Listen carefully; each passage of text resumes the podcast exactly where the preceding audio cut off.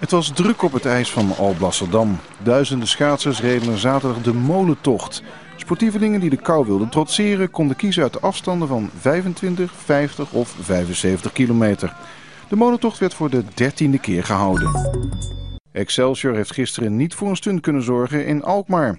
Op bezoek bij AZ ging de ploeg van trainer John Lammers met 2-0 onderuit. Beide doelpunten vielen na rust.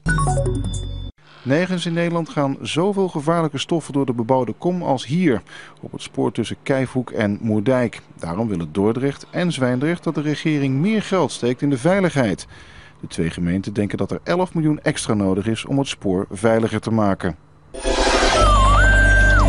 Vannacht zijn er wolkenvelden en opklaringen. Het blijft vriezen.